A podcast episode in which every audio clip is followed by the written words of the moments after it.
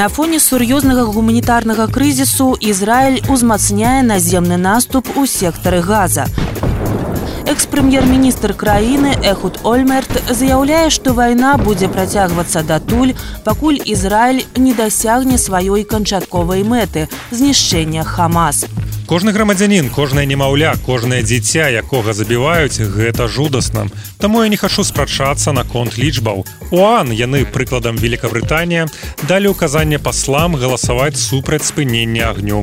Іначай кажучы яны патуралі працягу ізраільскай ваеннай аперацыі чаго яны чакалі што не будзе ахвяр мы яшчэ нават не падышлі да сутнасці гэтай аперацыі.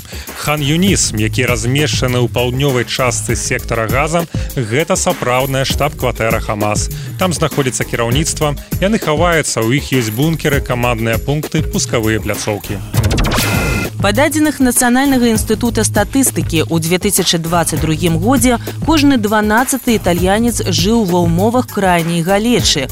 Гэтыя лічбы імкліва растуць. Усё больш людзей не могуць дазволіць сабе купіць прадметы першай неабходнасці, ежу ці вопратку сярод прычын інфляцыя нізкія тэмпы росту і скарачэнне сацыяльнай дапамогі. Сем'і якія маюць цяжкасці абвінавачваюць у гэтым урад і нядаўняе скарачэнне сацыяльных выплат. Пададзеных еўрастата беднасць пагражае большай колькасці італьянцаў чым у сярэднім па еўросаюзе у За апошнія некалькі тыдняў у раёне Ісландыі, дзе размяшчаецца вулкан Фаградальсфядль, было зарэгістравана больш за 1400 падземных штуршкоў. Праз гэта ў краіне пашкоджаныя дарогі і вадаправоды. Вывяржэнне можа здарыцца ў любы момант. Воблака дыму ад выкіду горных парод і попелу можа дайсці да Еўропы.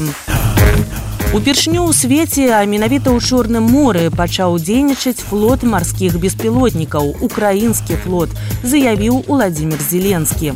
Нам удалося перахапіць ініцыятыву ў рассіі. Адным з ключовых элементів російської агресії проти міжнародного порядку, заснованого на правилах, стала агресія в Чорному морі.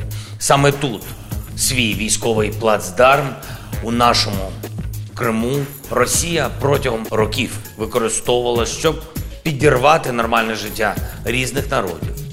Росія використовувала Чорне море для агресії проти Грузії в 2008 році, для розпалювання війни і хаосу на Близькому Сході, зокрема на території Сирії.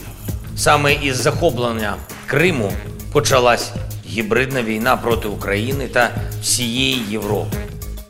Прэзідэнт нагадаў, што з першых дзён паўнамасштабнага ўварвання ва ўкраіну у лютым 2022 года Расія заблакавала украінскія чарнаморскія парты, пашкодзіўшы партовую і збожавую інфраструктуру і парушыўшы працу сусветных харчовых рынкаў.